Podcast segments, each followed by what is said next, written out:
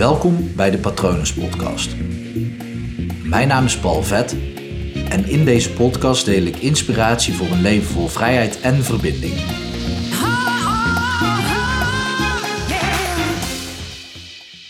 Ik zat vast met het schrijven van mijn boek. En ik wilde zeggen, het is het eerste boek wat ik, nou ja, waar ik bijna op het einde zit van de eerste versie. Maar ik bedenk me dat ik ooit al een ander boek van voor tot eind heb geschreven. Echter was dat wel een heel dun boek. Er waren maar 20.000 woorden. De eerste versie dan. Het is de bedoeling om die nog een keer af te schrijven. Aan de andere kant denk ik dat ik nu een beter boek zou schrijven. Dus misschien moet ik die maar eens gratis weggeven nadat ik hem geredigeerd heb. Maar dit boek, ik zit momenteel, terwijl ik dit opneem, op ongeveer 94% van de eerste versie dus. En dat is ook maar een schatting, want ik heb gewoon een x-aantal woorden eraan gehangen, namelijk 112.500 woorden. Maar ik zat dus vast en ja, dat gebeurt wel vaker tijdens het schrijven van een boek. Er zijn ook al heel veel boeken niet geschreven, omdat schrijvers vastzaten en gewoon nooit meer verder zijn gaan schrijven. En andere keren zat ik om een andere reden vast, maar nu zat ik vast omdat ik een bepaald personage niet kon introduceren. Het lukte me niet om te bedenken hoe ik haar in het verhaal moest schrijven. En daar was ik echt al een week over aan nadenken. Normaal gesproken denk ik, ja, als ik even 20 minuten ga zitten en ergens over nadenk, of het gewoon even laat voor wat het is, maar gewoon voor me uit ga zitten staren, dan komt dat wel. Maar bij haar kwam dat niet. En daar baalde ik van, want ik heb er wel nodig in het verhaal. En opeens bedacht ik me van, hé, hey, wat nou als ik doe alsof ze er al is, alsof ze al in het verhaal aanwezig is. Dus als je nu ook deze eerste versie leest, dan is er spontaan een karakter, is er op, opeens een personage, een vrouwelijk personage verschenen, ten tonele verschenen, zonder dat je enig idee hebt waar ze vandaan komt. Dus dat is wel grappig. Maar doordat ik dat dus ging schrijven, het, het flowde meteen. Ik wist ook meteen wat ze moest doen, wat ze ging doen, wat haar rol in het verhaal was, is nog steeds. En ik schrijf het boek in verleden tijd, vandaar de was. En wat het mooie was, is dat opeens wist ik ook hoe dat ik haar toch kon introduceren. Niet in dat deel, maar al in een veel eerder stadium in het boek. Doordat ik dus ging schrijven over haar en haar tot leven liet komen, wist ik opeens van hé, hey, maar zij hoort al veel eerder in het boek ten tonele te komen. Dus ook dat, eh, dat deel, dat idee heb ik even genoteerd erbij. Ik werk met een heel ander programma, Scrivener. Kan je allemaal notities naast maken en zo. Super fijn, kan vast in Word ook hoor. Geen idee, maar ik vind dit een fijn programma, speciaal voor schrijvers gemaakt. Nee, geen reclame. Maar dat deed me denken aan andere facetten in je eigen leven, in mijn leven ook. En waar, waar het ook gewoon vaak handig is om de eerste stap over te slaan. Natuurlijk niet om die helemaal weg te laten, want vaak is de eerste stap wel de basis. Net zoals in, in dit geval ook.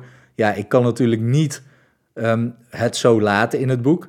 Uiteindelijk zal ik er in de tweede versie wel erin moeten schrijven op het moment wat ik dus net heb bedacht. Want ik kan niet die eerste stap over, overslaan, want dan is er geen basis voor haar.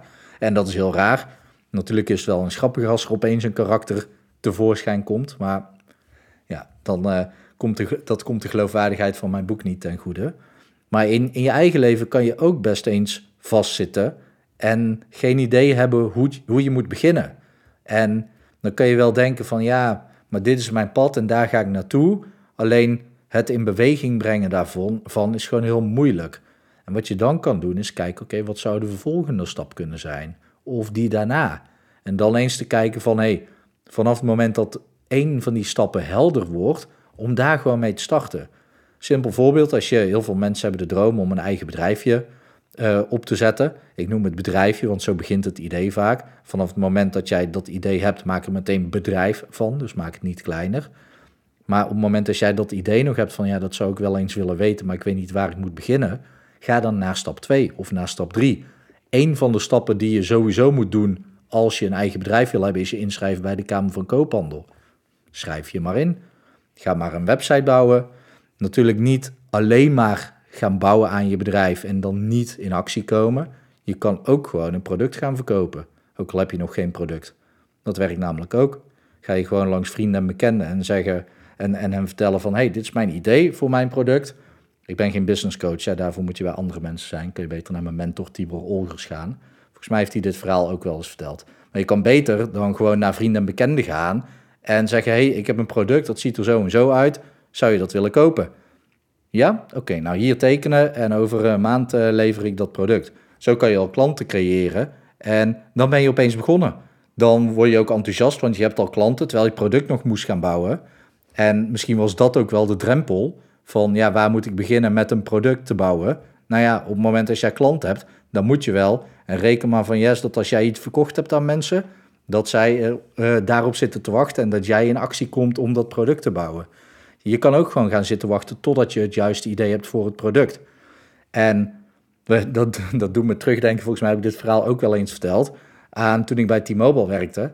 Bij T-Mobile dachten ze redelijk vaak heel lang na over een bepaald nieuw product in de markt zetten. Want zoals je weet, allerlei telecomproviders die komen dan weer met een of andere uh, nieuw face uh, media abonnement of een all-exclusive, inclusive in-house abonnement of een uh, face-off, FaceTime abonnement. allerlei gekke namen geven ze eraan. Volgens mij heeft KPN nu net weer allerlei nieuwe pakketten bedacht om het dan maar weer ja, vernieuwend te laten klinken, terwijl het eigenlijk gewoon hetzelfde is. Je hebt nog steeds gewoon tv, internet en telefonie.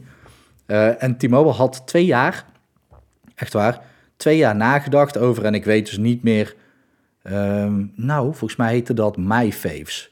MyFaves. Twee jaar nagedacht over een bepaald pakket dat je familieleden aan elkaar kon koppelen. Een soort van familiepakket wat nu gewoon elke provider verkoopt. Maar dat is er twee jaar over, over gedacht. En toen zetten ze het in de markt en toen was het een flop.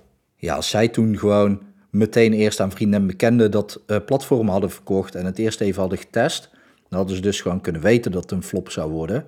En zouden ze niet twee jaar wachten met starten. Snap je? En dat werkt dus voor jou ook heel goed met alles in je leven. Ik heb nu over dingen van ondernemen, maar dat gaat, geldt natuurlijk net zo voor dingen in jouw eigen leven. Uh, kijk hoe je een huis moet kopen en je weet niet waar je moet beginnen. Ja, wat weet je wel en start daar. Natuurlijk niet meteen met een bod doen, maar niet meteen aan het einde beginnen. Al kan dat in sommige gevallen misschien ook best wel goed werken, want het is veel makkelijker om vanaf het einde terug te gaan bekijken welke stappen er nodig zijn om daar te komen, dan om dat vooraf te zien. Dus misschien niet eens een gek idee om daarover na te denken. Van oké, wat als ik een bot doe? Oké, wat zit daarvoor? Wat zit daarvoor? Wat zit daarvoor? Dus je hoeft, als je in beweging wil komen, helemaal niet met de eerste stap te beginnen. Het is wel belangrijk om uiteindelijk wel die eerste stap weer te zetten, want anders is dus de basis weg. Doe er je voordeel mee, zou ik zeggen.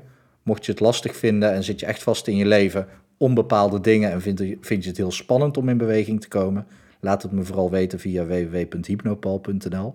Ik hoop natuurlijk dat het goed met je gaat. Ik hoop ook dat het goed gaat met dierbaren van je. En ik wens je nog een hele mooie dag toe.